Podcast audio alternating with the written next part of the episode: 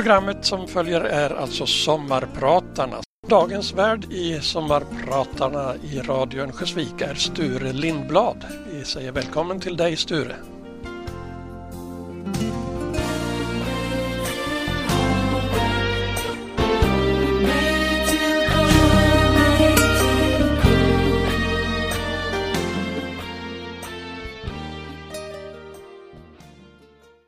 I slutet av april och i början av maj det här året var jag, Sture Lindblad, och min fru Anita nere i Budapest tillsammans med Anitas syster Monica och hennes man Bo. Vi har rest mycket tillsammans och trivs bra ihop. När vi var nere i Budapest så kom vi in på livet och mycket annat.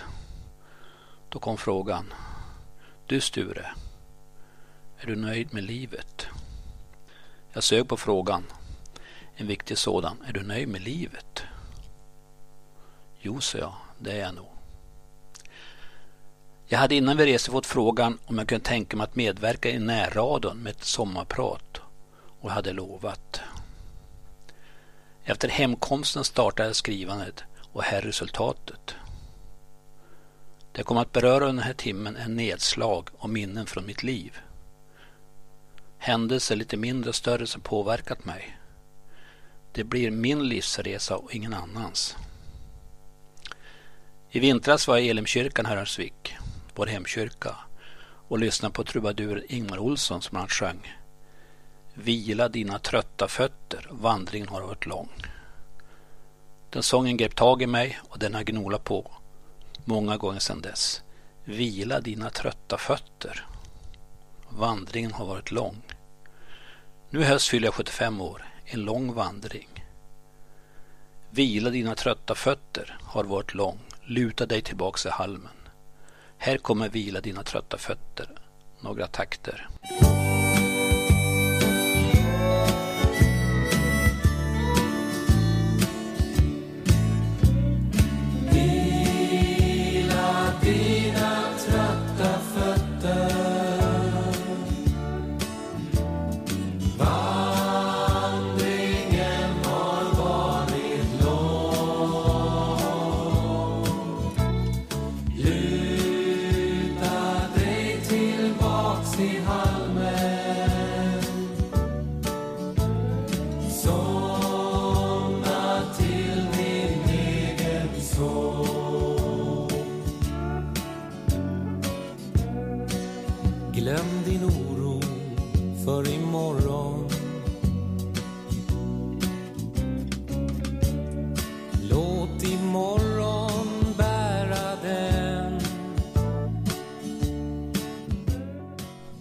Jag är uppfödd i Gottne, men även i grannbyn Yttersel där vi hade jordbruk. I Yttersel tillbringar vi varje vår, sommar och höst. Jag är bondpojke. Det är helt tydligt och det har satt sina spår. Språket i Gottne och Yttersel skilde sig rätt mycket. I Yttersel pratar man brett, Arnesjömålet. På det sättet blev vi tvåspråkiga. I Yttersel fanns också min mormor. Hon gick med käpp, men var alltid hemma. Hon har alltid tid med oss. Sture, är det något som bekymrar dig? Jaha, räkningar. Kom hit.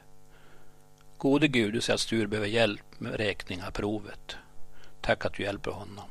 Kort och kärnfullt. Jaså, gick det bra med provet? Du ser Gud herr bön. Här har du en sockerbit med hjärtstyrkande. Vi var och är fyra bröder. Sönd om Agnes som bara pojkar, sa den på byn. Det är synd om Agnes som bara pojkar. Men vi fick hjälpa till. Det startade tidigt. Men så fick ju alla göra som var född på jordbruk. Alla hjälptes åt och behövdes. Och märken på händer och fötter fick vi av både li och yxa. Jag har själv en kluven tumme på vänster hand. Och en insida som är lite avskalad. Minne från gengasveden under kriget. Jag var sju år då, om jag minns rätt. Sällan läkarbesök utan en trasa och något plåster fick duga. Mamma fick vara sjuksköterska. Vi blev rätt mångsidiga. Bra grund för uttåget livet tycker jag. En lördag eftermiddag hemma i Gottne, slutet på 40-talet. Pappa kommer hem från jordbruket och skogsbruket i Yttersel. Han har åkt spark. Med sig har han tre liters hink fylld med mjölk. Ställer ifrån sig den på diskbänken med en belåten bin och ett brett leende. Vad skönt, nu är det helg. Nu får jag vila ut. Och imorgon är det söndag och vilodag. Han tvättar sig, sätter på sig rena kläder och mår gott. Det både syns och hörs. Först middag, sedan kvällsmat. Imorgon är det söndag och då är det förmiddagsmöte i Betania. Och där får han sin andliga färdkost. Träffa sina vänner med ett välkomnande. Frid broder, frid syster. Man är syskon och Herren. Och bror ska predika, bror Lundström. Björnasonen flyttat till Gottne. Och när han predikar så vet man att det blir inget svammel. Utan det är vardagsnära med bäring på den situation man lever i. Bror är också nära vän. Det svepande och spektakulära lämnas därhän. Så är det ju unisonsång också. Ibland med min moster Agda vid tramporgeln. En sång som jag kommer speciellt ihåg var hur ljuvligt det är att få mötas på väg mot Jerusalem. En återlös syskonskara. Det sjöngs friskt, trosfist och med inlevelse. Att man skulle vara hem, få åka hem var ställt utom allt tvivel. Här kommer sången Hur ljuvligt det är att få möta med Cecilia Hector Lundberg, ursprung från Långesmon som solist.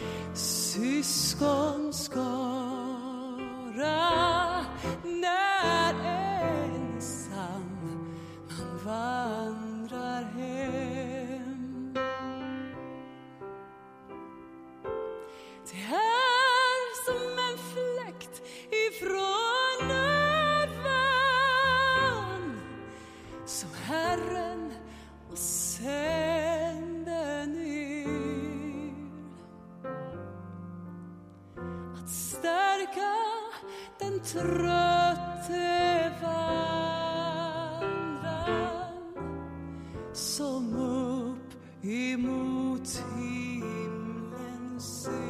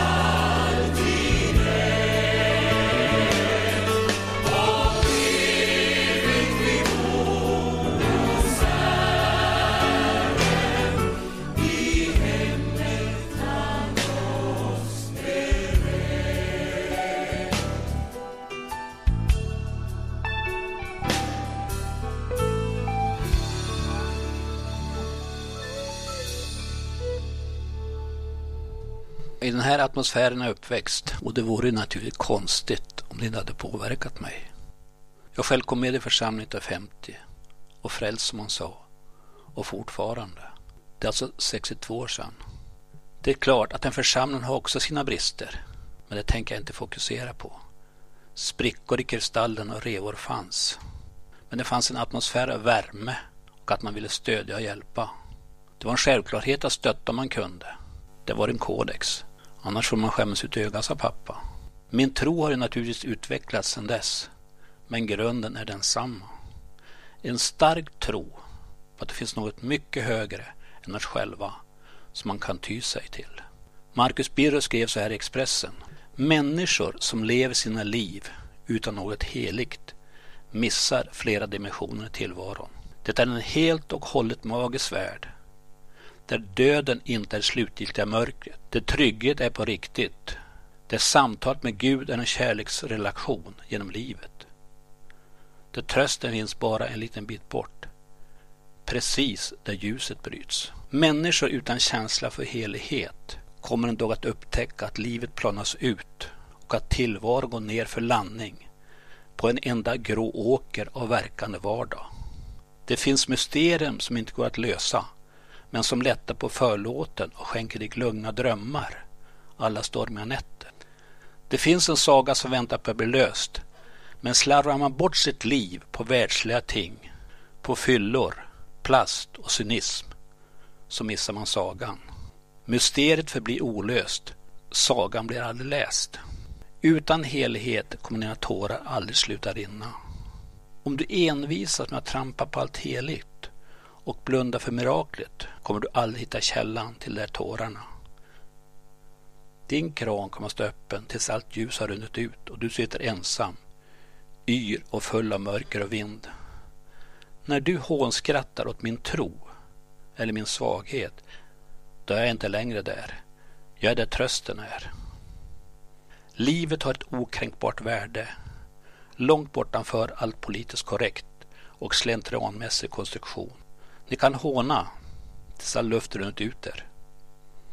Ni kan förstöra med all er kraft, för vi andra har rört oss bort från det som drar ner och utplånar oss. Tidens nycker Människors längtan splittra och söndra. Våra naiva försök att slås ut ur en andlig ordning är korta sekunder av tillfälliga segrar. Hatet är hårt, smärtsamt men kort. Kärleken har ett långt minne och du ryms också i detta minne, du också.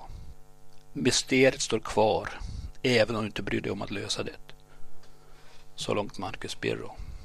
1950 började jag på läroverket. Jag har gått sex år i Gottneskolan. Det var ett stort avgörande steg för mig. 12 år gammal och då började horisonten vidgas. Från den lilla byn till den för mig mycket stora staden Örnsköldsvik. Nästan tre mil bort beroende på vilken väg man tog. Det var för mig något alldeles nytt. Läroverket var en jättebyggnad och en aula som för mig var jättestor. Vi var tre från Gottne. Jag, Dan och Alvar.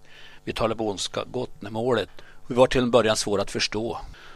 Som tur var så var de flesta i min klass 1-4B från landsbygden. 1-4A det var stadsbor och läkarsöner och döttrar och lärare. Finfolket, jag hörde inte hemma där. Har ett starkt minne från det. Vi skulle spela en pjäs med prins, prinsessa och tjänare. Jag blev tjänare. När jag gick fram till vår klassföreståndare och frågade vilka kläder jag skulle ha på mig så granskade hon mig från topp till tå.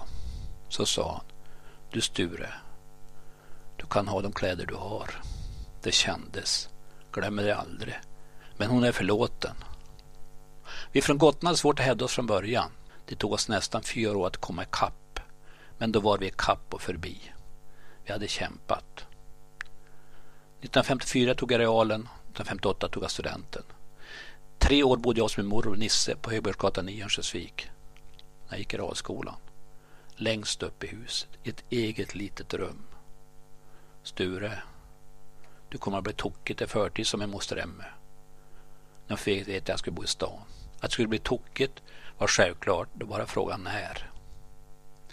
Åkte hemifrån Gottne på måndag morgon tillbaka på lördag. Måndag lunch satt jag på min säng och åt medhavda smörgåsar och drack min mjölk och smågrät. Jag längtade alltid hem. Det var ensamt på rummet. Åt ute både lunch och kväll. Ljuspunkten var när bror Nisse slog i stupröret. Sture, kom ner och ät middag med oss. Jag var nere på 30 sekunder. Jag älskade min morbror. Han var generös, omtänksam och kärleksfull. Han betydde mycket för mig under de här tre åren. Kärleken till honom följde med mig hela livet. Att äldre ser det små är av yttersta vikt. Morbror Nisse introducerade mig i den stora världen och visade mig vad kärlek och generositet kan betyda. Han finns för alltid i mitt hjärta. Här kommer kärlek vid som oceaner. Det får bli en hyllning till min morbror Nisse som är hemma hos Herren, som vi säger sedan många år.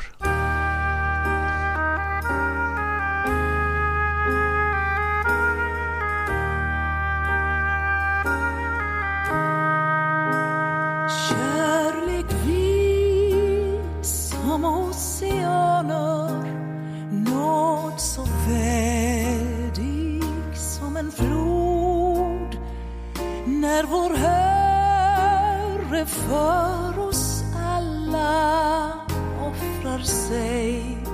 Sitt dyra blod Vem kan avstå sådan kärlek?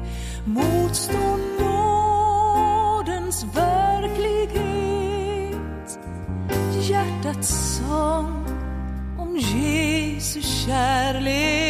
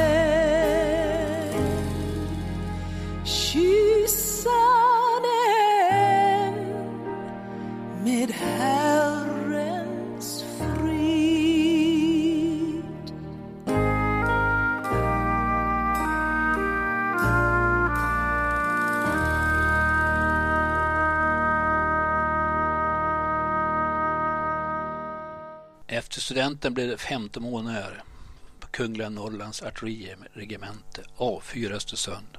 Den 3 juni 1958 hemma i köket i Gottne. Jag ska ta mitt nästa steg ut i livet.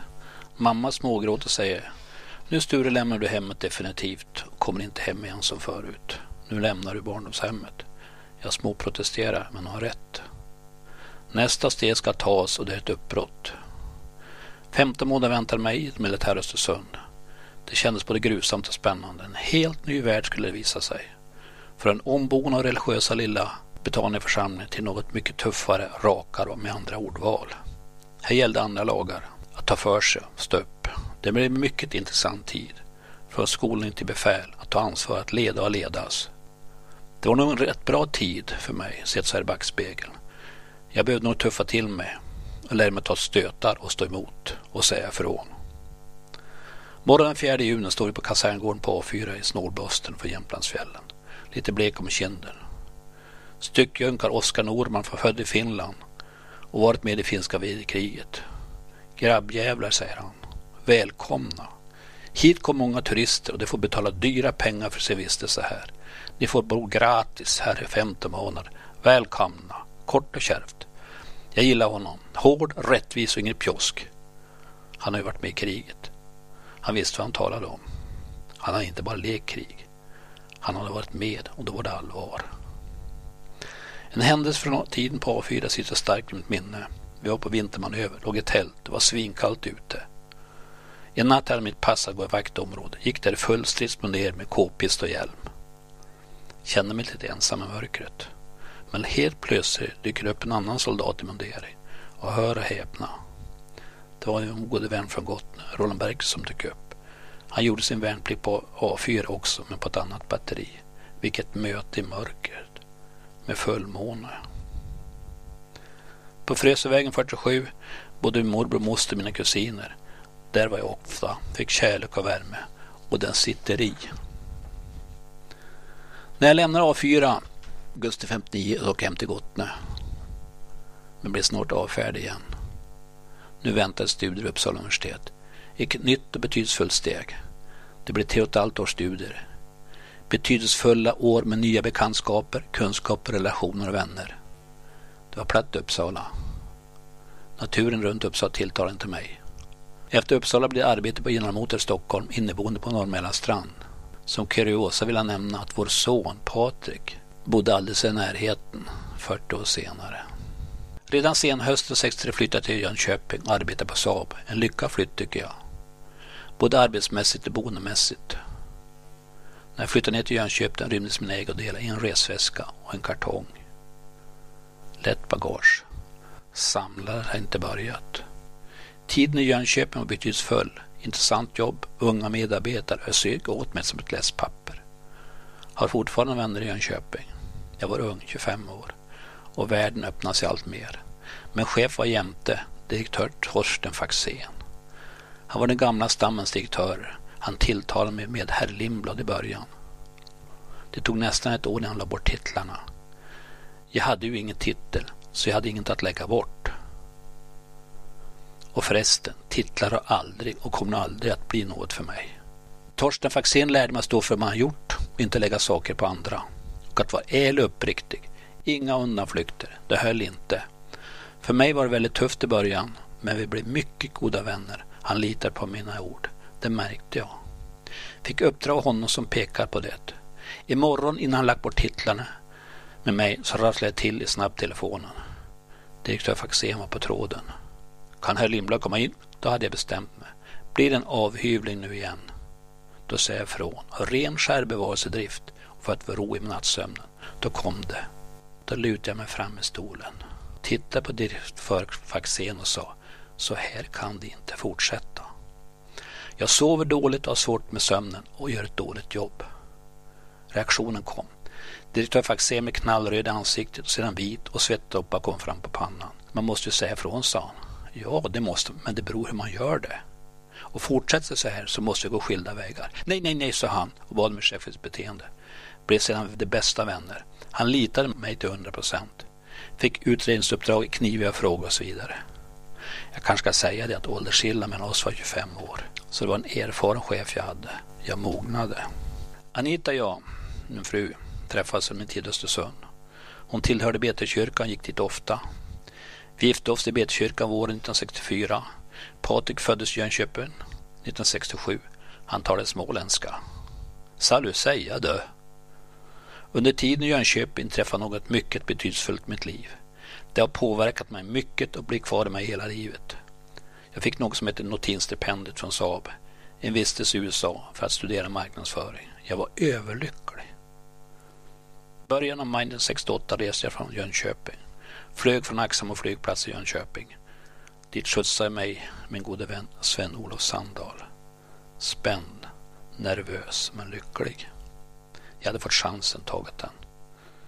Förutom att vara på ett antal amerikanska företag ska jag få chans att träffa min farbror Gunnar som emigrerat från Gotland 1929 och mina kusiner Edith och Anna samt min söndagsskollärare Kvesper som emigrerade 1952 från Gotland. Dessutom fick jag delta i en gudstjänst i en färgad kyrka i Chicago.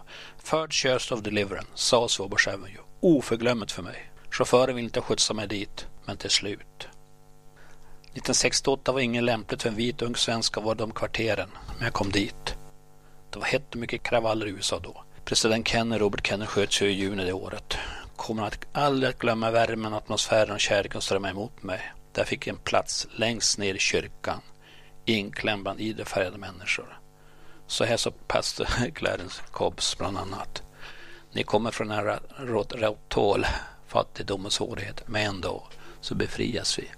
You come from your rat holes, poverty and difficulties, but one day we all be there. Kyrkan förkomligen exploderar halleluja.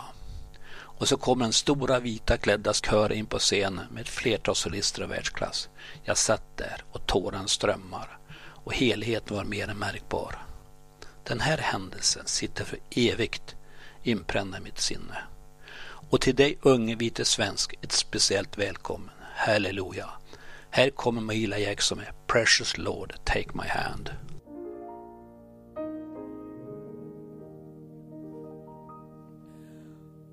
Precious Lord,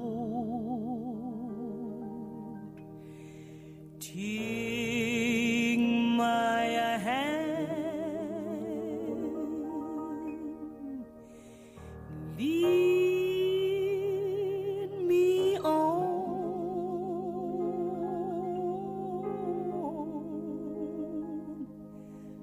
let me stand. I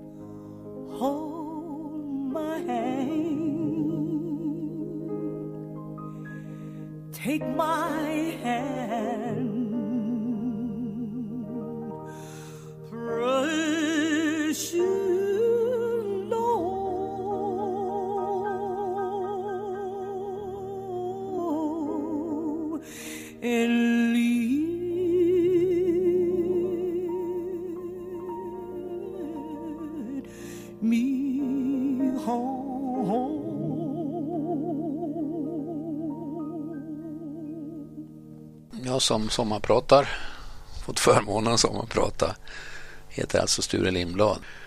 Så här skrev jag i en av mina böcker, Emigranterna från Gott, som är klar 1995.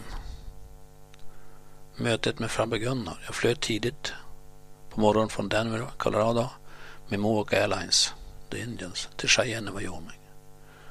Farbror Gunnar lovat att vara med på flygplatsen för att möta mig där. Vi hade skrivit till varandra innan och talats vid telefon för Chicago. Lite nervös kände jag mig när jag satt i flygplanet, men fylld av förväntan och frågor. Innan jag reste från Sverige hade jag förberett mig genom att fråga min pappa om Gottnebor, som jag visste att farbror Gunnar kände och säkert skulle fråga om. Jag ville så gärna kunna svara på hans frågor och inte göra honom besviken. Men jag försökte fördriva tiden i planen med att läsa var ju tankarna framme i stora efterlängtade möte. Jag undrar, hur ser han ut, farbror Gunnar? Hur kommer han ta emot mig? När planet landade tittade jag ut genom flygplansfönstret. Där stod han. Ingen tvekan. Limlastragen fanns där. Likhet med min pappa var påtaglig. Jag stiger ur planet, går fram emot farbror Gunnar. Vi tittar på varandra. Vi kramar om varandra länge. Mötet blev väldigt känslosamt för oss båda. Då säger han, Sture, it's a great day for me today. The greatest. Sture, det är en stor dag för mig idag. Den största. På vägen från flygplatsen upp till hans hem med Encampment, en två timmars bilfärd, så svänger vägen av in i Colorado. Plötsligt tvärstannar han bilen. Tittar, säger han, farbror Gunnar. Här kommer jag med gode vän och kusin Gottfried Hedberg, Gottfred, vinter 29, utan jobb, inget språk, inga pengar, ingen mat. Kan du se stigen här? Jo, säger jag. Här gick jag upp till huggarläge och fick jobb. Men när våren kom fick jag sparken här upp. Jag got fired. Men hur gjorde du då? Då tittade farbror Gunnar på mig länge och sa Kom ihåg en sak Sture. You never, never, never give up. Du ger aldrig, aldrig, aldrig upp. Det var hans testamente till mig. Och det har jag burit med mig hela livet. När jag frågade honom var han bosatte sig just i encampment sa han It's like home, det är som hemma i Gottne. Men varför kom du inte hem och hälsade på? Det var då, sa han. Det förstod jag inte, men nu gör jag det. November 1973 var jag åter på besök hos farbror Gunnar. Söndagskvällen innan jag skulle åka satt vi i hans kök och småpratade. Jag såg på honom att det var något jag frågade. Då tittade han länge på mig och sa Sture, jag har fått cancer. Det blev allvarligt i köket. Vi kom att prata om liv och död och sista kvällen blev det extra allvarligt. Vi landade väl inte. Morgonen därpå skjutsade han mig till flygplatsen och mig. Vi tog adjö, kramade länge. Hårt och länge. Jag lämnade dem, gick mot flygplatsingången, vände mig om och tittade på honom. Vi såg på varandra. Jag såg på hans blick och vi visste båda två att vi aldrig skulle ses mer. Inte på den här jorden i alla fall. Jag intog min plats i flygplanet när jag lyfte brast det för mig. Tårarna trillade ner från mina kinder. En amerikan som satt bredvid mig frågade varför du gråter så häftigt. Du sa jag har lämnat dig god vän och vi ses aldrig mer. I see, sa han. Sen fick jag vara ensam med mina tankar. Året därpå dog farbror Gunnar. Han ligger nu begraven på kullan utanför encampment, den viloplats han ville ha. I min bok Immigranterna för Gotte har Conny Lynn bidragit med det här, Amerikadrömmen. Det dog en vind över fattig Sverige, en vindil född i Karl Oskars tid. Den vinder viskar lyckodrömmar, att år där rådde löftestid. När tegar saknar för många händer, när bordet saknar daglig mat, då spelte vindens öga visa att västerut väntar fulla fat. Över land och rike och Gottnebygden svepte vinden och fick sitt svar från unga krafter som hade viljan. Hemmavid blev det gamla kvar. Emigranternas levnadsöden var slit och möda och envishet. Vindens strömmar och fagra löften blev något annat i verklighet. Den starke orkade pröva tiden för att både kroppen och själen led och tankar korsas över havet i mörka stunder hjärtan sved. Här kommer Helen Sjöholm med Du måste finnas och det får väl spegla den känsla jag har för avsked farbror Gunnar jag tog på flygplatsen i Lärame november 1973.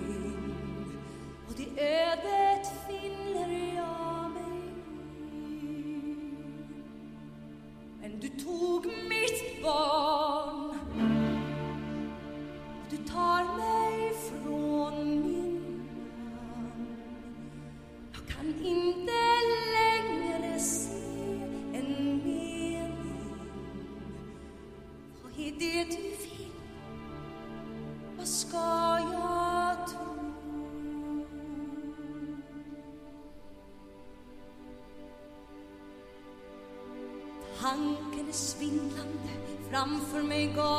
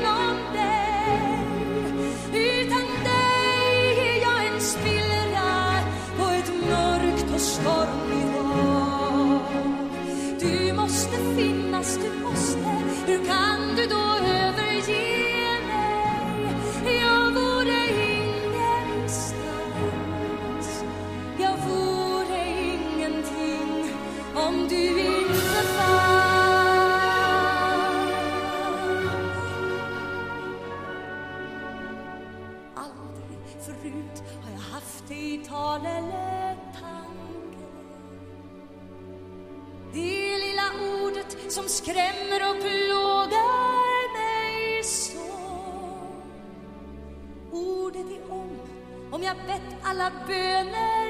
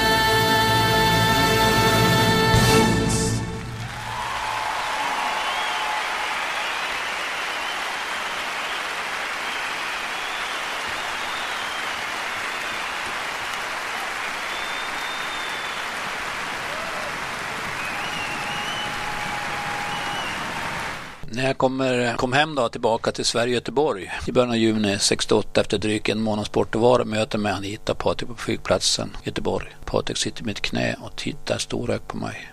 Halvvägs Göteborg bitar med näsan och småskrattar. Då återförenar jag kände igen mig. Det bettet glömmer jag aldrig. Ett kärleksbett. Vi blev kvar i Jönköping till 1969. Många fina år. Då flyttade vi till Linköping och blev kvar där till 71-72. Vid varje flytt lämnar man något efter sig. Saknad har man ju också. Det positiva med en flytt är att man får nya vänner, bekantskaper. Det är dessutom mycket berikande beroende på hur man tar det och hanterar situationen. Man ser något nytt och lär sig alltid något nytt. 71-72 blev det Modo med Holmen. Mycket intressanta och givande år. Skillnaden mellan Saab och Modo var stort. Från ung tekniksnabb miljö till tradition och långsamhet. Men jag lärde mig hantera det. Hanna föddes här dagen före julafton 1971. Både Hanna och Patrik är uppvuxna i Övik och Själevad. Båda är nu utflydda så länge med egna familjer och barn. Patrik med familj bor i Stockholm och Hanna med familj bor i Sundsvall. Så nu är Anita och jag både mormor, morfar och farmor och farfar. Barnbarnen heter Tilde, Alva, Elsa och Ivar. Sju, fyra, tre och två år. Anita och jag är nu pensionärer. Anita är pensionär för några år sedan från sjukhuset. Hon har varit sjuksköterska och trivs utomordentligt bra. Saknar det fortfarande, tror jag. Barnbarnen är en stor glädjekälla för oss. Vi älskar dem.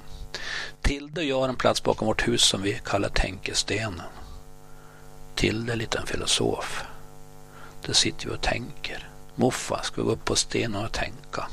Muffa, när du dör kommer du till himlen, då blir du ängel. Jag säger jag tror det. Moffa, när du blir en ängel kan du väl flyga ner till mig. Men du måste komma genom skorsten. Så fortsätter hon. När du dör ska jag lägga en lapp i din hand och där ska det stå att du låter komma och hälsa på. I samma veva säger Alva till dess syster. Moffa, till himlen kan man inte köra bil. Men hur kommer man dit då, säger jag. Då ställer Alva sig upp, viftar och flaxar med armar och visar hur det går till.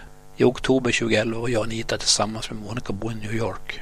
Vi var bland annat då och lyssnade på eller såg musikalen Lejonkungen och här kommer ett avsnitt ur den.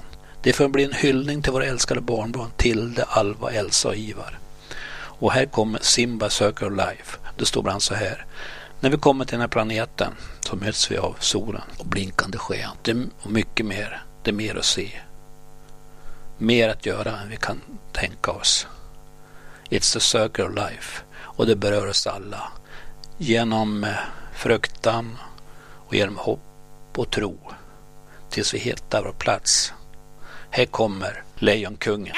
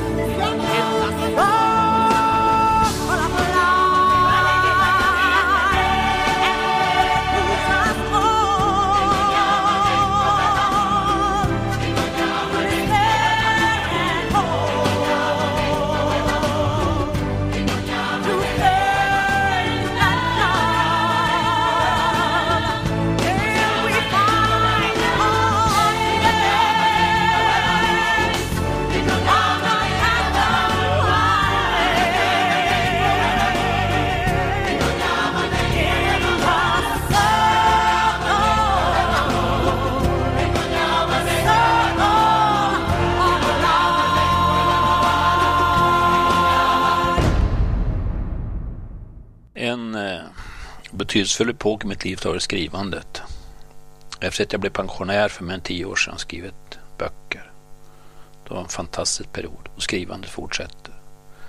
Det har hittills resulterat i tre böcker. Immigranterna från Gotne, klar 95. Vad fick vi med oss när vi lämnade byn klar 2009? Patmos var hjärtan blev klar 2010. Det har varit mödosamt, frustrerande, ekonomisk oro, men givande på alla plan. Skrivande har nog bidragit till att jag djupnat till viss del varit en ren terapi när svåra frågor ventileras med mig själv. Skrivet är skrivet och det blir så tydligt. Här har jag ett stort behov av att säga ett stort tack till min gode vän sedan många år, Torsten Berglund i boende i Timrå. Ett fantastiskt samarbete som fortsätter. Där böckerna har resulterat i så många kontakter. För nya och helt nya kontakter. På baksidan av boken vad vi fick med oss, vi som lämnade byn, har vi skrivit. Varje människa har sin berättelse och varje människas historia är lika mycket värd. Det har gett vårt utgångspunkt när vi tar oss i kast med den här boken. 50 personer, imponerande antal, men som rötter i Gotland har skrivit, gett ut sig själv om sin livsresa. Så här står det också i boken, En livets resa. Vi hade jordnära hållplats, vi som klev på tidigt järnspis och utedass. Lappade kläder och halvsula skor. Ingen TV, ingen mobil, ingen iPod. Det var kallt ute, men jag hade varann. En del reste långt, en del hade klippkort. Men alla reste vi i livet. Det nyss påstigna och diffusa mår under sexkläder mode. Det känns kallt och långt emellan.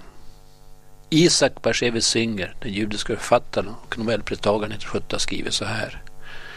När en dag har gått finns den inte längre kvar. Vad återstår då mer än en berättelse? Om berättelse inte berättades och böcker inte skrevs skulle vi människor leva som djur enbart för dagen. När jag skriver ner det här så är mitten på maj. Våren är på väg. Det grönskar allt mer och fåglarna kvittrar. Och den svartvita flugsnapparen har varit här i några veckor. Ett underbart det. Jag älskar den här årstiden. Den kommer på nytt och på nytt. Innan jag slutar mitt sommarprat så jag tar med er till Sarek och bestämt plats där. För många år sedan gick jag och min svågerbror Lönn tillsammans med hans kusin Ulf Mörlid rakt genom Sarek. Vi övernattade i tält. Startade i stall och lukta och slutade i salt och lukta. Där passerar vi Alkavar kapell. Några av er som lyssnar kanske har varit där. Alkavar kapell beläget mitt i Sareks fjällvärld och i närheten av det gamla gruvfältet från silvermansbrytningen under 1600-talet. Kapell stod färdigt 1787 med övergavs 1860. Kapellet restaurerades och återinvigdes 1961. Kapellet är byggt av sprängd sten med trätag av byggmästare Erik Persson Wickman. Kyrkklockan, bänkar och en del av inventarierna skänks av fjällvandrarklubben Skarja. Det är tidig morgon. Solen strålar från klarblå himmel. Jag sitter mot väggen på ena långsidan med utsikt över sjön och fjällmassiven. Sitter ensam och mediterar. Det himmelska förstärks. Det tränger rakt in i min själ, skulle man kunna säga. Tystnaden är påtaglig. Alkavar kapell finns hemma på väggen i vårt hus. Det har Bos kusin Ulf målat och skänkt mig. Det kommer att för alltid påminna mig om Guds storhet. Innan vi lämnar kapellet har vi en morgonbön tillsammans inne i kapellet och ber om Guds beskydd och kraft för den fortsatta vandringen som ska visa sig bli tuff, väldigt tuff. Men vi var väl förberedda. Men om sanningen ska fram så fick Ulf det väldigt tufft de två sista etapperna, men klarade det. Innan jag avslutar programmet med Arja Saijonmaa så vill jag tacka Per och Ulf som hjälpt mig med inspelningen av programmet. Stort tack ska ni ha. Och här kommer Jag vill tacka livet.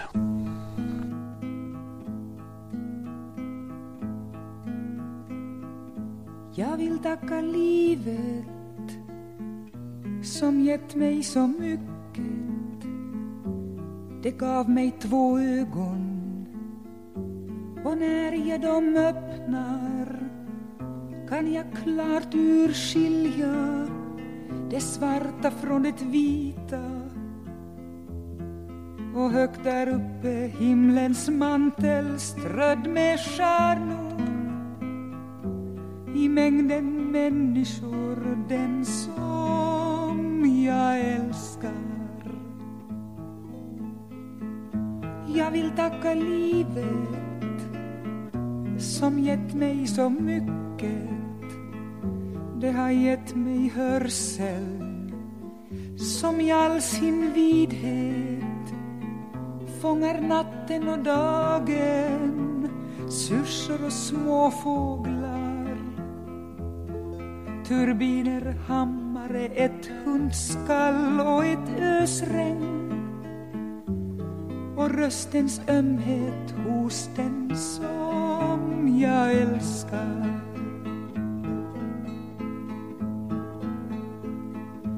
Jag vill tacka livet som gett mig så mycket. Det har gett mig ljudet och hela alfabetet så att jag fick orden för tankarna jag tänker. Moder, vän och broder, ljuset som upplyser. Den karga väg min älskling själ ska vandra. Jag vill tacka livet som gett mig så mycket. Det gav mig lång vandring. För så trötta fötter gick genom städer, genom djupa vatten. Över stränder, berg, i öknar och på slättland. Hem till ditt hus och dina gröna ängar. Jag vill tacka livet som gett mig så mycket. Det gav mig ett hjärta som i grunden darrar när jag ser på frukten av det hjärnan skapar och det goda så långt borta från det onda. När jag ser in i dina klara ögon. Jag vill tacka livet som gett mig så mycket. Det har gett mig skrattet. Det har gett mig smärtan. Så att jag kan skilja lyckan ifrån sorgen. De två ting som skapar alla mina sånger och mina sånger som era sånger. Och alla sånger som är samma sånger. Och mina sånger som era sånger. Och alla sånger som är samma sånger